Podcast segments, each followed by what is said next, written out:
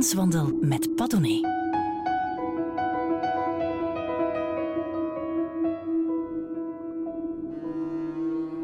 Jan Geurts is een bekende naam in het spirituele circuit.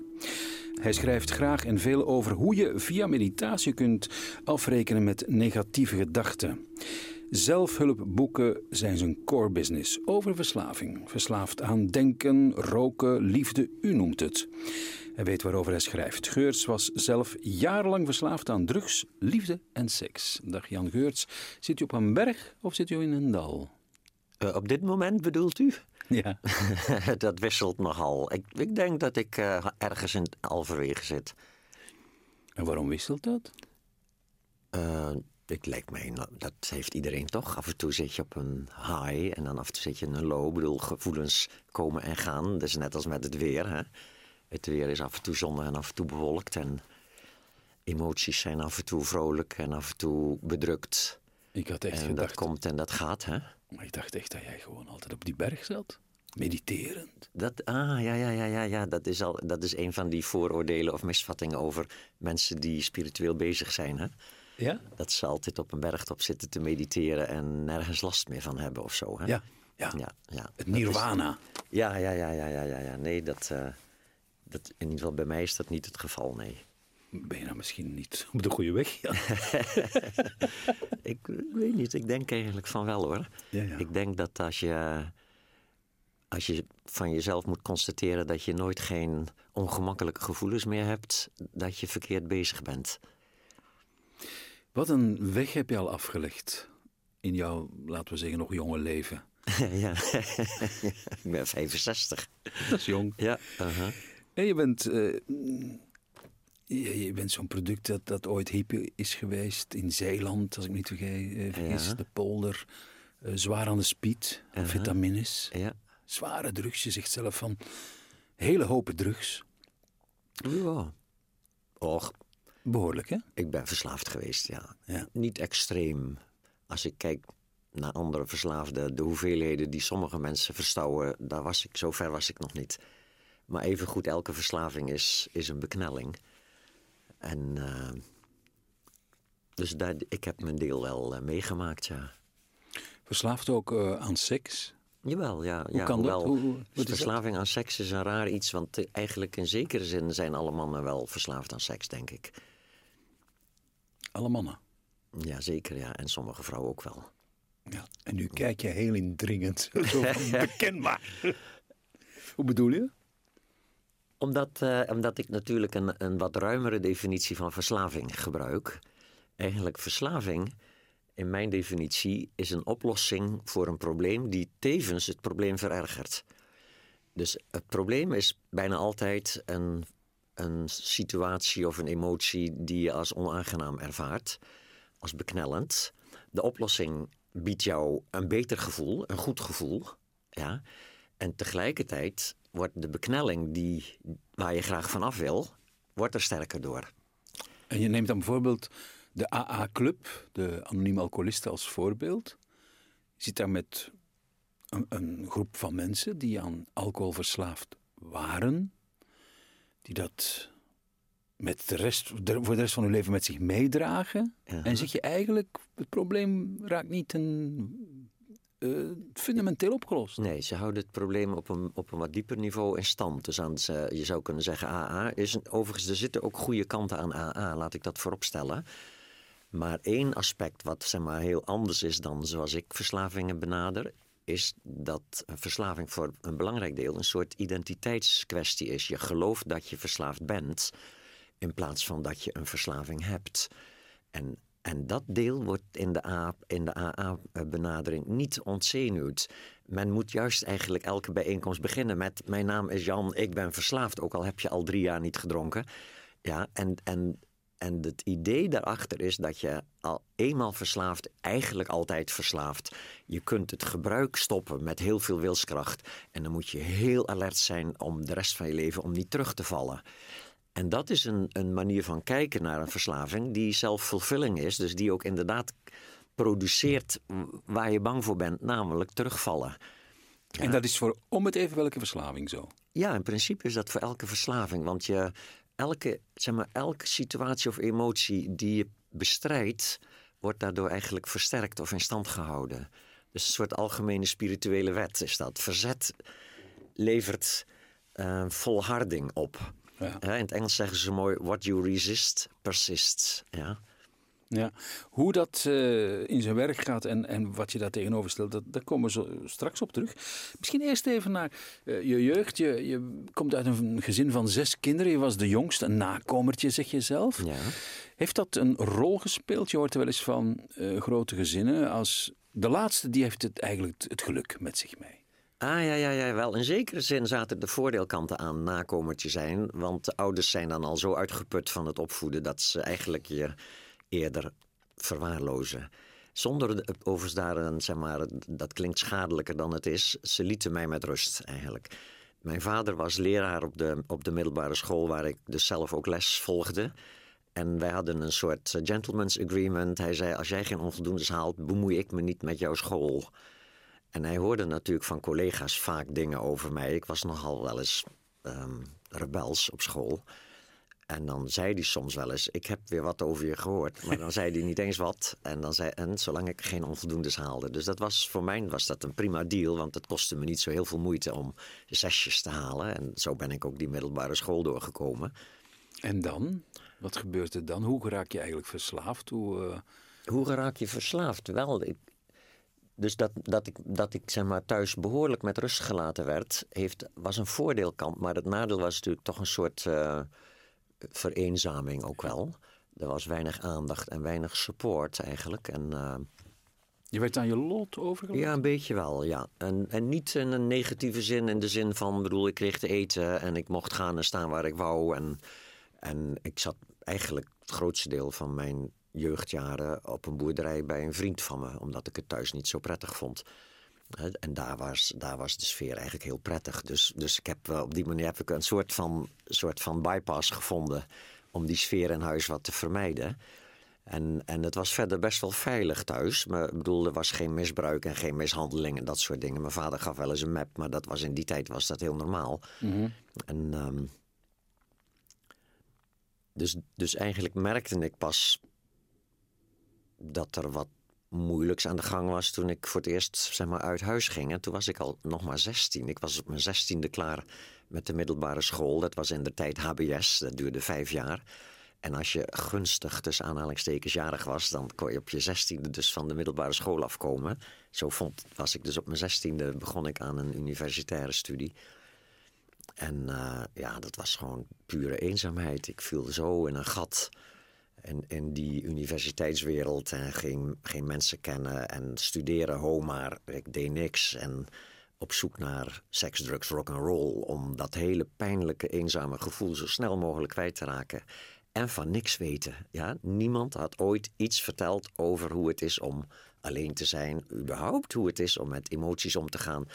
Uh, dat was in de tijd niet gebruikelijk dat je kinderen. bedoel, mijn ouders wisten van niks Mhm. op dit gebied. Dus hoe hadden ze hun kinderen kunnen op, een beetje voorbereiden op hoe om te gaan met emoties als eenzaamheid en zelfafwijzing en dat soort dingen. Dat was gewoon, ja, niemand wist van niks eigenlijk. En dus eigenlijk om die eenzaamheid te compenseren, zoek je, eh, of Ja, vind je erzats? Ja, dan vind je vervanging. Hè? Dat is het systeem. Dat is het systeem waar in feite waar, waar ieder mens in meer of mindere mate in verstrikt raakt.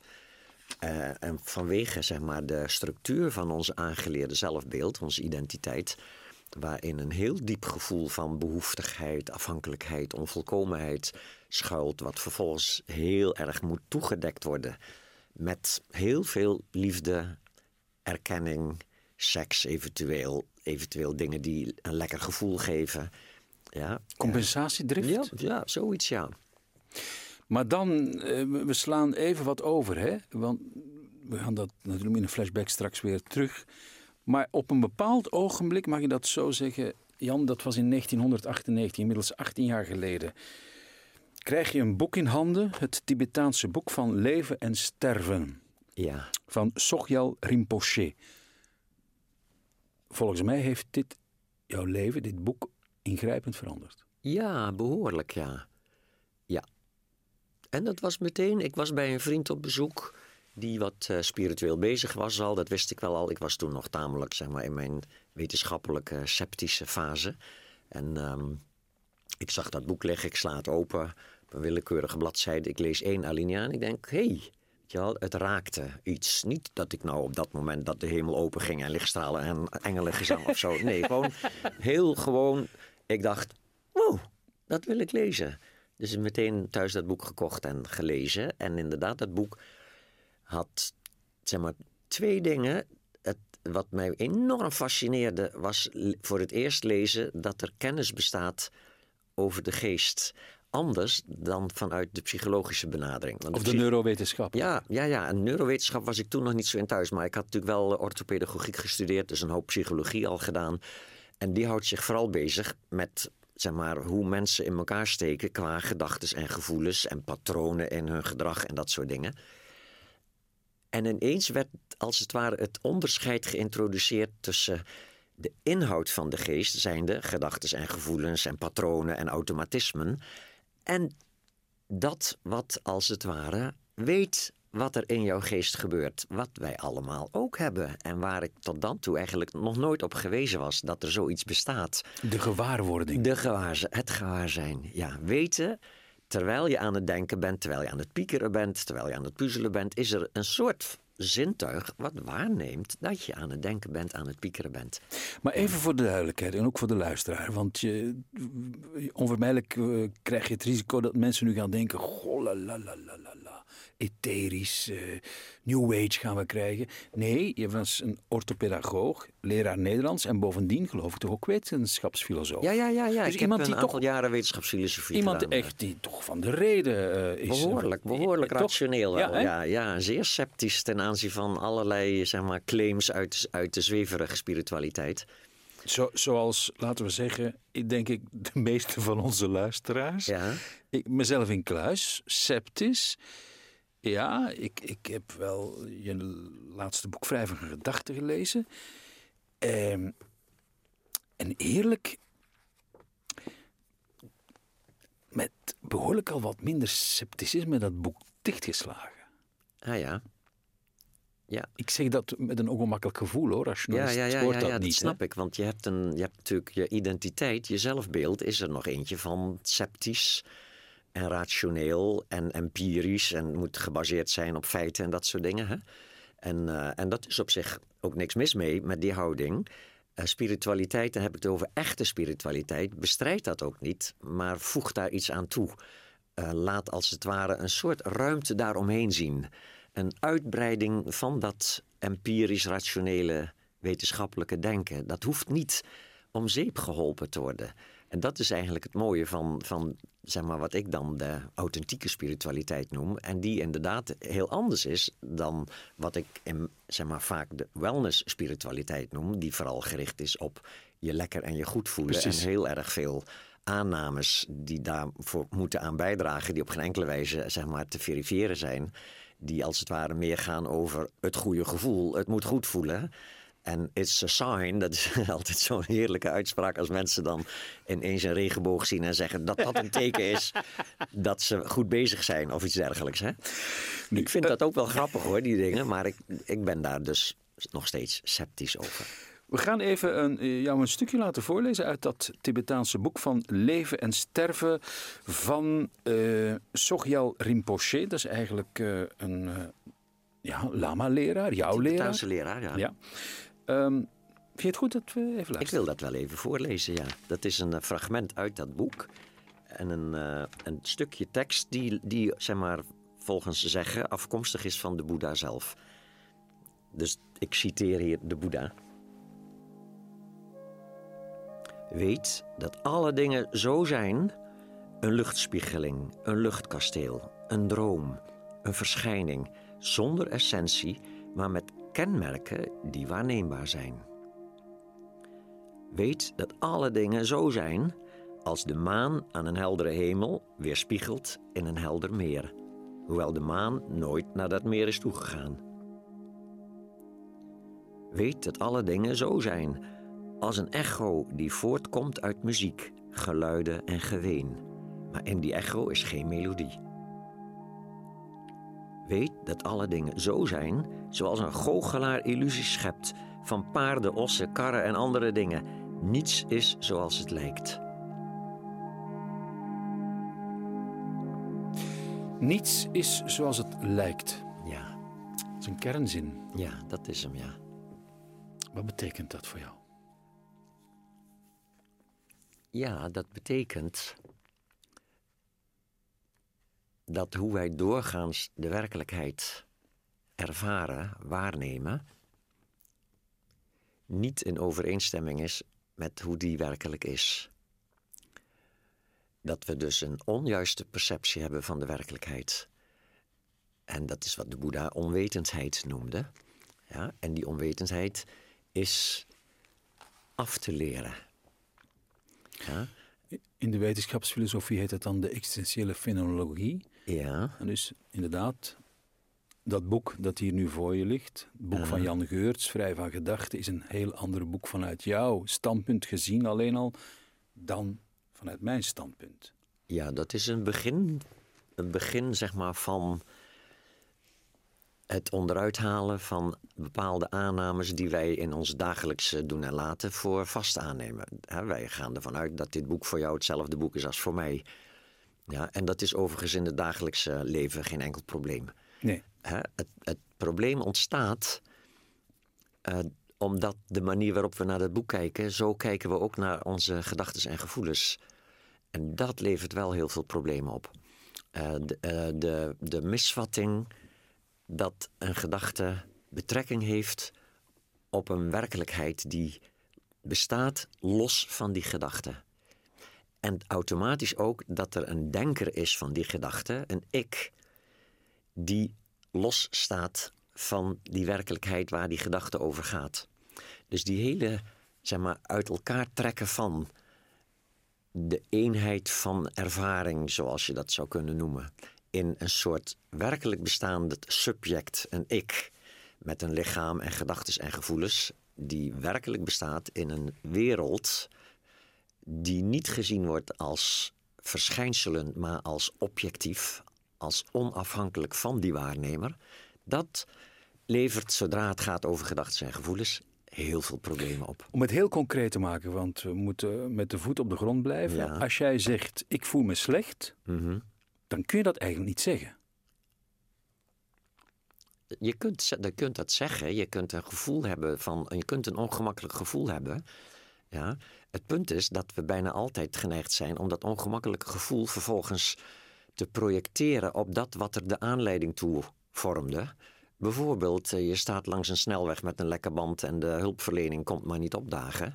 Dat ongemakkelijke gevoel wat je op dat moment hebt, wordt onmiddellijk toegeschreven aan de traagheid van de hulpverlening of wat dan ook. Ja? Dus je, je, je maakt als het ware iets buiten jou verantwoordelijk voor jouw ongemakkelijke gevoel. Waar blijft die wegenwacht? Waar blijft die Ja, wegenwacht? dat ja. En, en in feite wat je de hele tijd aan het doen bent, is je, je, je ellende in stand houden en vergroten. Hoe langer die wegblijft, hoe ellendiger je je gaat voelen. Oké, wat doet Jan Geurts Ehm, als hij een in- lekke band in, heeft? In, het begin hetzelfde. De trein nemen. Ja, in het begin hetzelfde. Maar na enige oefening, en dat duurt wel een paar jaar, maar na enige oefening kom je vrij snel tot de conclusie dat je geen enkele invloed hebt op die wegenwacht en op de lekke band en op die situatie.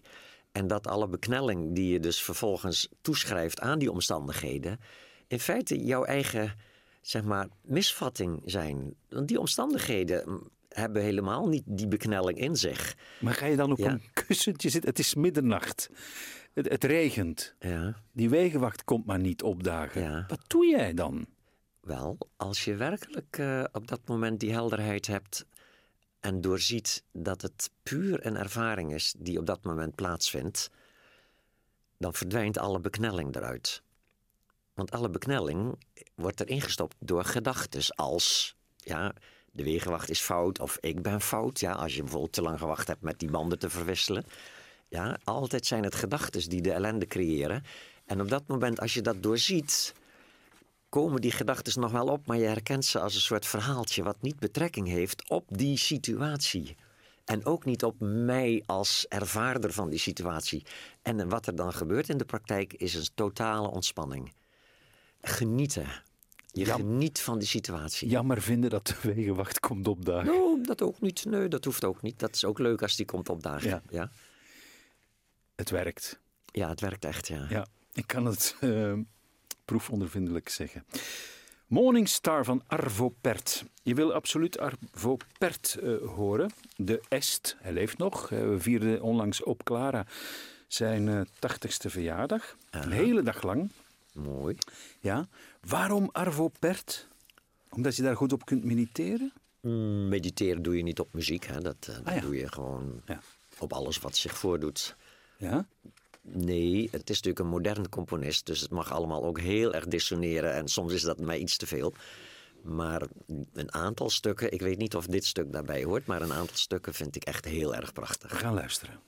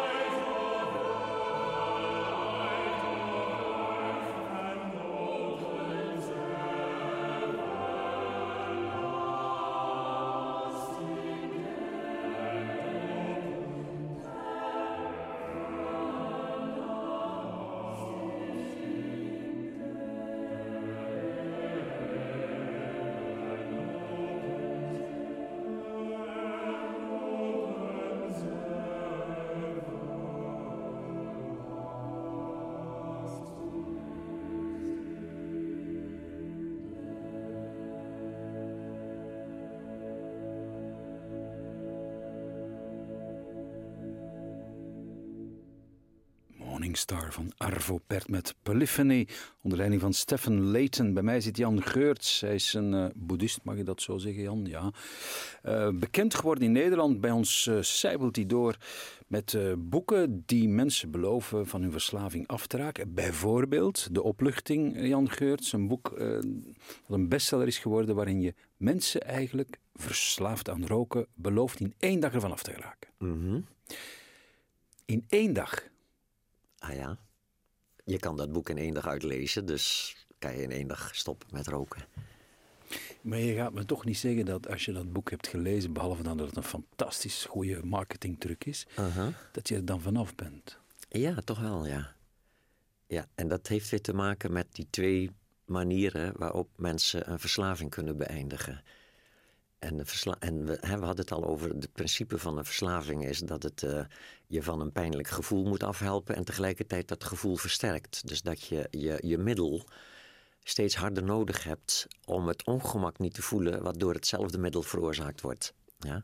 Nu, je zou kunnen zeggen er is een vicieuze cirkel gaande tussen het ongemakkelijke gevoel en het middel. Het middel versterkt het ongemakkelijke gevoel. Het ongemakkelijke gevoel eh, versterkt het verlangen naar het middel om je eventjes weer vrij te voelen van dat ongemakkelijke gevoel.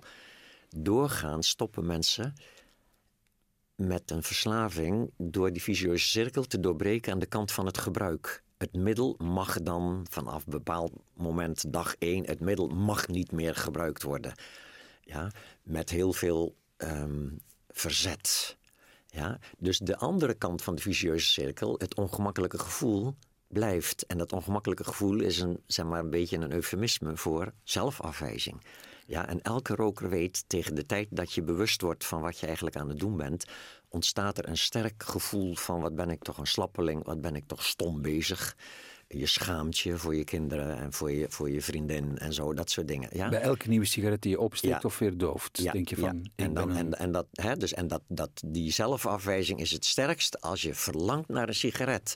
En dus moet je hem roken om even van dat gevoel af te komen. En het, de, het roken van een sigaret geeft jou dus een moment van rust, van ontspanning. Maar meteen daarna is de cyclus weer versterkt nu. Dus als mensen stoppen met zeg maar een soort van: oké, vanaf nu. Eh, mag het niet meer, wat ben je toch een stommeling, nou moet je ermee ophouden. Gaan ze dus heel erg vechten tegen die aandrang om te roken, waardoor hun zelfafwijzing alleen maar sterker wordt. Je voelt je na twee dagen niet gerookt hebben gewoon zo'n junk, zo'n verslaafde, zo, en je wordt gek van je eigen gedachten en dan begin je weer te roken. En Ja. hoe doe jij het dan? Nu, de andere kant, de andere methode is dat je niet de verslaving beëindigt aan de kant van het gebruik, maar aan de kant van de zelfafwijzing. Dus de methode laat zien dat er geen enkele reden is om jezelf af te wijzen, ook al ben je verslaafd aan roken of aan een andere verslaving. De verslaving is, zegt niets over wie jij in werkelijkheid bent.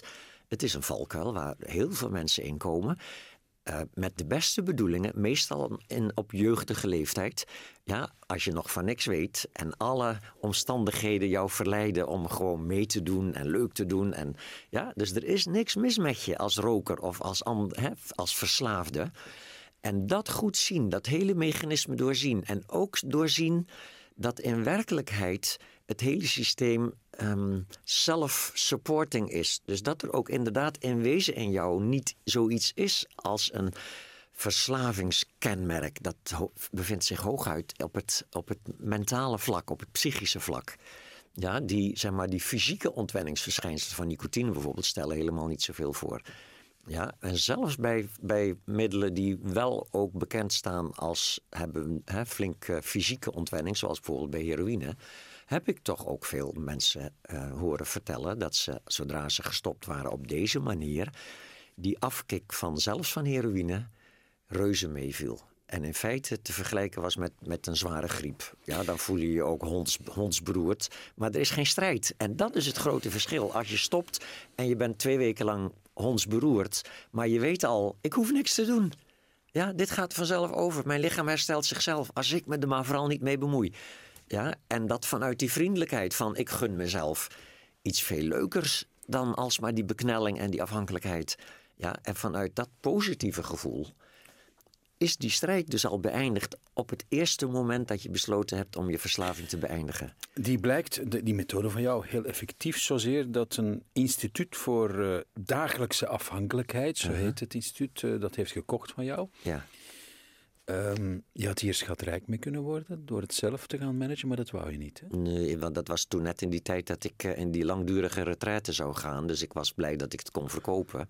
Want daarmee kon ik eh, die retraite bekostigen. Die retraite, daar hebben we het nog niet over gehad. eh, daar schrijf je ook over. Jarenlang, jarenlang ben je, en ik geloof dat je het nog doet, maar in ieder geval drie jaar lang, heb je elke zomer, zes maanden lang, ben je, heb je teruggetrokken, samen met 500 anderen, Ja. in eh, ja, de, wat wordt genoemd de uitlopers van de Pyreneeën, in de buurt van Montpellier. Ehm, een, een soort van Tibetaans-boeddhistenkamp. Ja, het soort Tibetaans-boeddhistisch centrum in een oude schapenboerderij. eh, is dat daar in de loop in de jaren negentig ontstaan. Je, je had een, een caravan, Jan En ik, ik had daar al vrij snel een caravannetje ja, gekocht, zelfs voor een paar honderd euro. En, en eh, daar ging ik, eh, want dat kamp was nogal druk. Daar zaten 500 tot 1000 mensen zomers. En, eh, en ik hou niet zo van veel mensen om me heen. Dus al vrij snel had ik dat caravannetje. En ik zette dat een paar honderd meter verderop, bovenop een berg. En daar heb ik dus jarenlang, heb ik daar zomers een, een aantal maanden, tot, zeg maar, tot die drie jaren treiten, dat ik daar zomers zes, zeven maanden verbleef, heb ik daar in die bergwei gestaan. wat ik fascinerend vind, de manier waarop het schrijft, is de manier waarop je het schrijft. Is de tone of voice, de tonaliteit. Heel vaak bij dat soort van verslagen heb je zoiets van: ik heb de verlichting gezien en, en krijg je een, een wollig. Jij de hele tijd lang bent je heel erg bewust van wat je aan het doen bent. Je bent kritisch voor ehm, die religieuze poespas, uh, dat, die Tibetaanse modies, dat uurlang gezeur van die monniken. Um, tegelijkertijd ben je ook niet eh, te beroerd om te zeggen van, als je je dan terugtrekt in zo'n caravan, dat je je verveelt. Mm Nogal, ja, retraite is uh, verveling. Er is een bekende Tibetaanse leraar, uh, Chogyam Trungpa, die ooit gezegd heeft... Uh, boredom is the beginning of spiritual awakening. Verveling is het begin van spirituele groei. Dus je moet je op een bepaald moment... Want je, je, moet je gaan vervelen. Ja. Maar echt, hè? Je, dan zeg je, maar jongen toch, doe eens wat. En, en net op het moment... ja, kijk, ja. De hele, bedoel, je, ik kan dat, natuurlijk kan dat uitleggen waarom dat een functie heeft ja. voor spirituele groei. En dat komt namelijk, wat is verveling, is dat je zeg maar, de gebruikelijke dingen die, die wij allemaal doen om onszelf niet tegen te komen, om onszelf niet te vervelen, ja, die dingen, die houden ons ook af van het zien van de werkelijkheid zoals die werkelijk is. Ja, dus die houden dat hele denksysteem in stand. En onze denkende geest is eigenlijk verslaafd aan informatie, aan prikkels van buitenaf. Ja, is altijd aan het denken over het ene of het ander. Ja, en als je daar begint bewust van te worden, dan is dat heel verbijsterend. Zelfs kun je, terwijl je bijvoorbeeld staat uh, stofzuigen of iets dergelijks, dezelfde gedachten gewoon telkens opnieuw denken. Er is niemand die er wat aan heeft. Je weet al lang wat je aan het denken bent. Ja, en je denkt ze telkens opnieuw. Hetzelfde verhaaltje komt telkens weer langs, met kleine veranderingetjes soms. Nu en dan, als het dan gaat over een situatie waarin misschien iets pijnlijks aan de hand is, misschien een, een naderend bezoek aan een tandarts of een relatiecrisis, wat hè, pijnlijke, beangstigende gedachten zijn, dan kun je aan één stuk door, kun je ronddraaien in diezelfde gedachtenstroom en ondertussen alsmaar lijden, ja, bekneld zitten angst voelen of, of zelfafwijzing. En als je dan helemaal alleen in dat caravannetje zit en je verveelt je op den duur, wat gebeurt er dan? Nou, dat is een situatie waarin dus gedachten opkomen. Ja, als, wat is dit saai, wat vervelend, ik wou dat ik uh, iets leuks kon gaan doen. Plus het besef, ja, het gewaarzijn, dat die gedachten niet zozeer het gevolg zijn van die verveling, maar de oorzaak ervan zijn. Ja, dus het kijken naar de geest is niet een kwestie van dat je die geest lam legt of stillegt, maar dat je het, het, het mechanisme, hoe werkt de geest? En hoe werkt die in relatie tot wat we doorgaans beschouwen als de werkelijkheid om ons heen, onze situatie? En de meeste mensen, als ze lijden, zijn ervan overtuigd dat het hun omstandigheid is die dat lijden als het ware veroorzaakt. En, en vanaf dat moment ben je dus slachtoffer van, een, van iets waar je geen invloed op hebt. Ze was een 12e eeuwse Duitse Benedictijnse abdis, een mystica. Ze was actief op het gebied van religie, van kosmologie, wetenschappen, filosofie. Ze componeerde, over wie heb ik het? Ik denk uh, Hildegard van Wingen. Ja. Wel deze informatie voor mij ook nieuw is hoor. Dat denk ik niet helemaal. Hè. Um, we gaan luisteren naar uh, Hildegard van Bingen. O Beatissime Ruperte. Is dit ook muziek om bij stil te worden? Of? Nou, dat heeft dezelfde sfeer, denk ik, als die we daarnet hoorden van Arvo Pärt. Uh, iets etherisch, iets sereens iets rustgevends. Als het, ik weet niet welk stukje uitgekozen heb, maar die, de mooiste die ik, die ik het mooist van haar vind, zijn heel etherisch, heel sereen.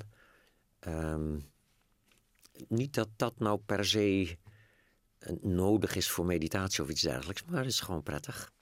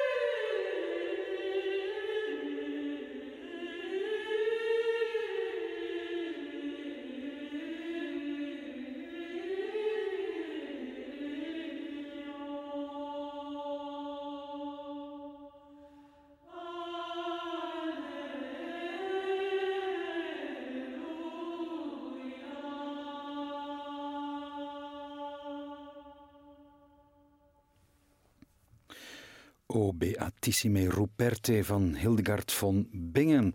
Bij mij zit uh, Jan Geurts, uh, boeddhist, uh, maar ook een pedagoog, een orthopedagoog zelfs, wetenschapsfilosoof, iemand van de geest en van de reden dus.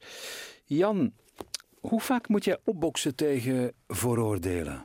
Hoe vaak word je naar het hoofd geslingerd met jongen, jongen, jongen, kom eens met je beide benen op de grond? Of je voeten? Hmm, eigenlijk heel weinig. Maar je komt Terwijl ik dat juist wel leuk vind als ik dat tegenkom. Enig, weer, enig weerwoord is altijd leuk, want deze manier van kijken, deze spirituele manier van kijken, is zo rationeel. Is zo verifieerbaar ook.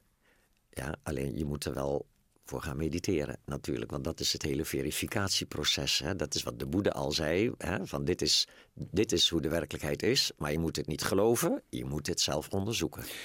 Nu, afzondering, mediteren, je terugtrekken. Zelfs het meest verheven, zei je daar straks. Waarom kun jij niet gewoon in de wereld staan?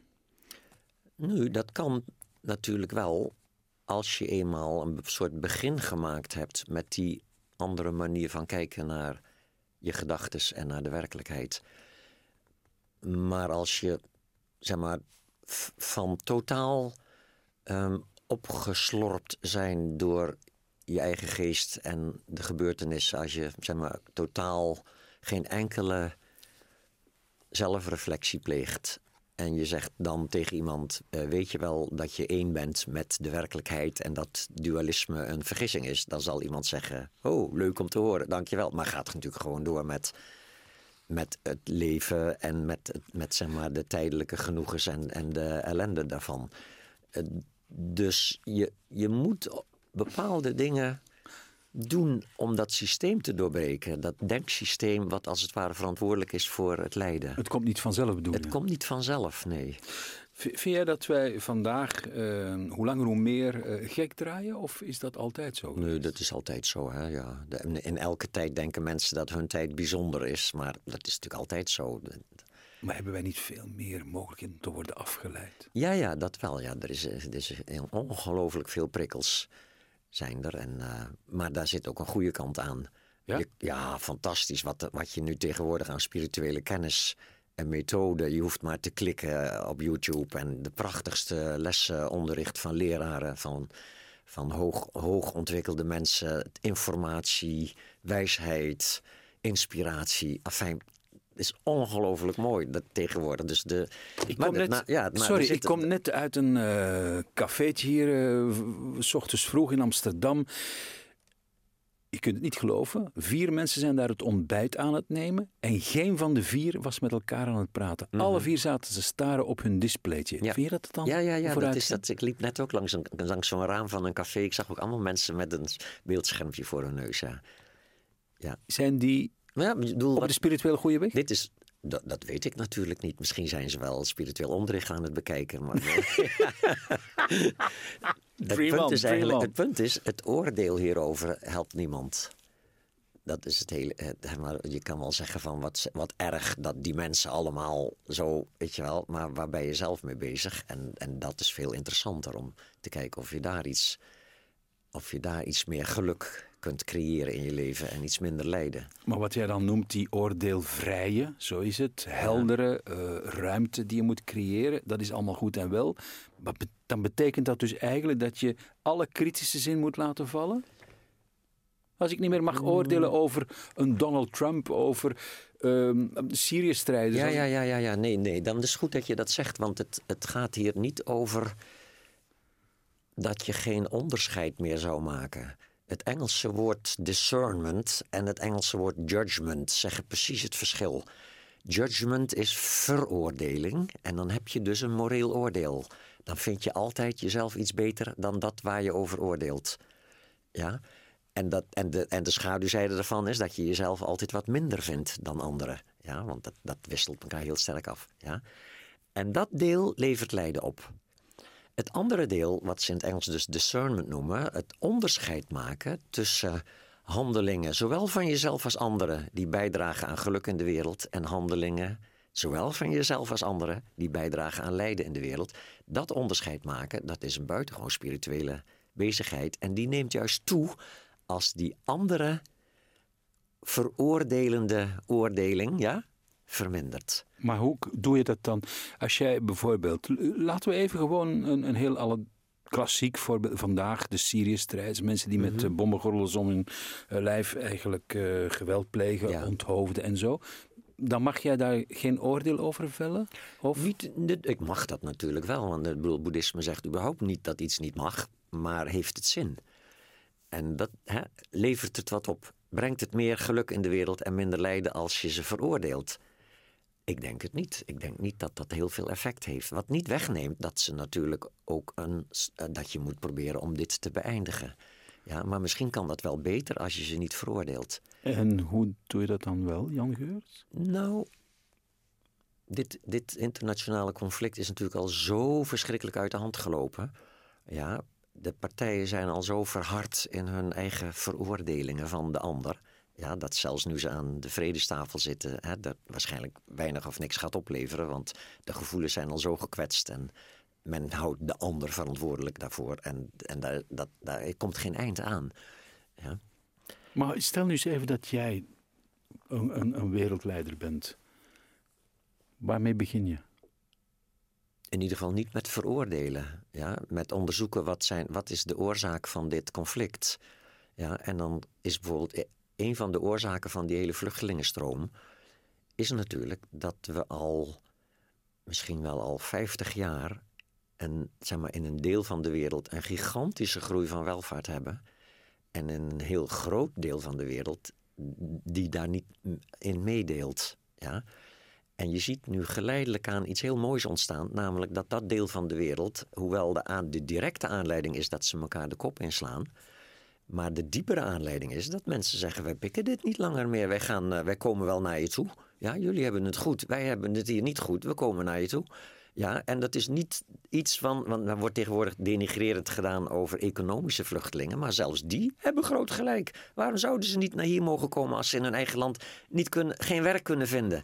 Ja, en laat staan natuurlijk die mensen die in hun eigen land bommen op hun hoofd krijgen van een of andere maffe dictator die in het hele politieke spel uh, op zijn stoel gehouden wordt. Ja, dus hartstikke mooi dat dit gebeurt. Ja, en je ziet meteen de angst in onze westerse welvaartswereld. Ja, verschrikkelijk. Wat zijn we bang voor die stroom van vluchtelingen. En we bedenken de gekste oplossingen die allemaal geen oplossing zijn. Een muur rond Europa, dat soort dingen. Allerlei trucs uithalen om ze terug te kunnen sturen. Maar omgekeerd, ja. alle mensen naar hier laten komen is toch ook geen nee, oplossing? Nee, nee, natuurlijk niet. Maar het is gewoon, dit probleem ja, is, is als het ware een symptoom. Ja, en, de, en de diepere oorzaak van dat symptoom is dat we kennelijk het geen probleem vinden om welvarend te zijn terwijl onze medemensen honger lijden. Ja? Nu, dat, op, dat, is, dat is een mentale kwestie. Dat is hoe kijk je naar de werkelijkheid? En hoe kun je dat veranderen in de wereld? Eigenlijk alleen door je eigen manier van kijken naar de werkelijkheid te veranderen. Een van de meest stuitende cijfers die ik onlangs las, is dat 62, de 62 rijksten op deze aarde hebben evenveel dan de helft van de armste wereldbevolking. Ja. Dat is 3,6 miljard mensen. Ja, ja, ja. Ja, heel bijzonder is dat, hè? dat die scheefgroei. En dat is natuurlijk, ja, dat is, zeg maar, je zou kunnen zeggen, als je dit, dit mondiale probleem vergelijkt met bijvoorbeeld een, een persoon, in een mens gebeuren tijdens een mensenleven ook zoiets. En dan gaan mensen zitten op een verkeerd spoor en we gaan alsmaar dieper in die put. Tot het punt dat ze een burn-out krijgen bijvoorbeeld. Dat zie je heel veel. En dat een burn-out hebben mij ook, ja. En ik zie nu ook heel veel mensen hebben een burn-out. Ja. En dat is een heel mooi iets. Een burn-out zou je kunnen vergelijken met een mondiale crisis. Ja? En, de, en die zegt, we zijn niet goed bezig. Ja? De, de burn-out zegt, Iemand met een burn-out die een klein beetje slim is, gaat zichzelf onderzoeken. Uh, die krijgt door, het ligt misschien niet aan mijn baas, het ligt misschien niet aan mijn werkomstandigheden, maar aan mijn eigen geest, aan mijn eigen strategie om geluk te willen vasthouden. Ja, en zo kunnen we ook deze hele mondiale crisis interpreteren. Van de hele crisis is een symptoom die ons kan leren dat we kennelijk op een verkeerde manier ons geluk proberen te consolideren. Ja, namelijk ten koste van anderen. Kijk, waar dat boeddhisme allemaal niet toe kan leiden. ja, ja. Vind je het goed dat je nog eh, even een... ehm, het is een hele korte eh, eh, tekst. Waar komt die eigenlijk precies uit? eh, Ja, dat is een boekje van, van John Rapp, geloof ik. Wat ik al heel lang heb, al lang voordat ik in aanraking kwam met boeddhisme, had ik dat boekje thuis en er staan van die hele schattige, leuke zenverhaaltjes in. de- Met een soort van soort humor en een soort, ook een soort van beetje bizar zijn ze soms. Koans En- worden ja, die koans. Sommigen worden dan koans genoemd, ja. En eh, ik vond die vroeger al leuk. Ja. Hoewel ik totaal niet begreep waar ze over gingen. En maar, eh, dus heb ik er eentje meegenomen die, waarvan ik nu wel begrijp waar die over gaat overigens. Maar die gewoon ook heel leuk is.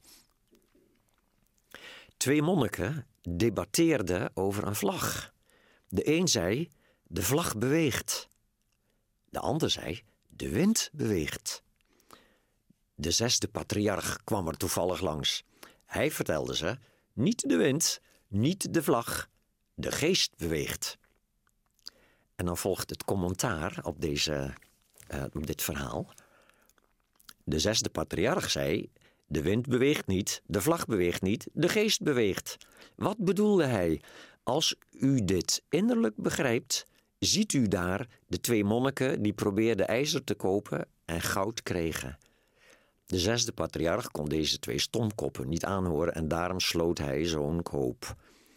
En de slotstrofe nu: de wind, de vlag, de geest beweegt. Hetzelfde begrip.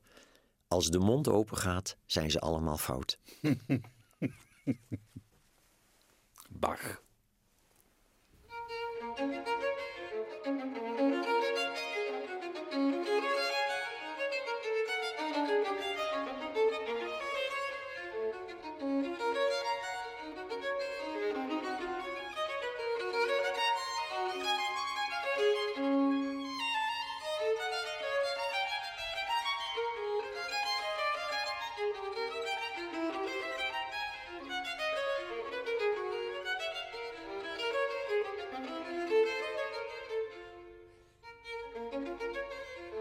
Een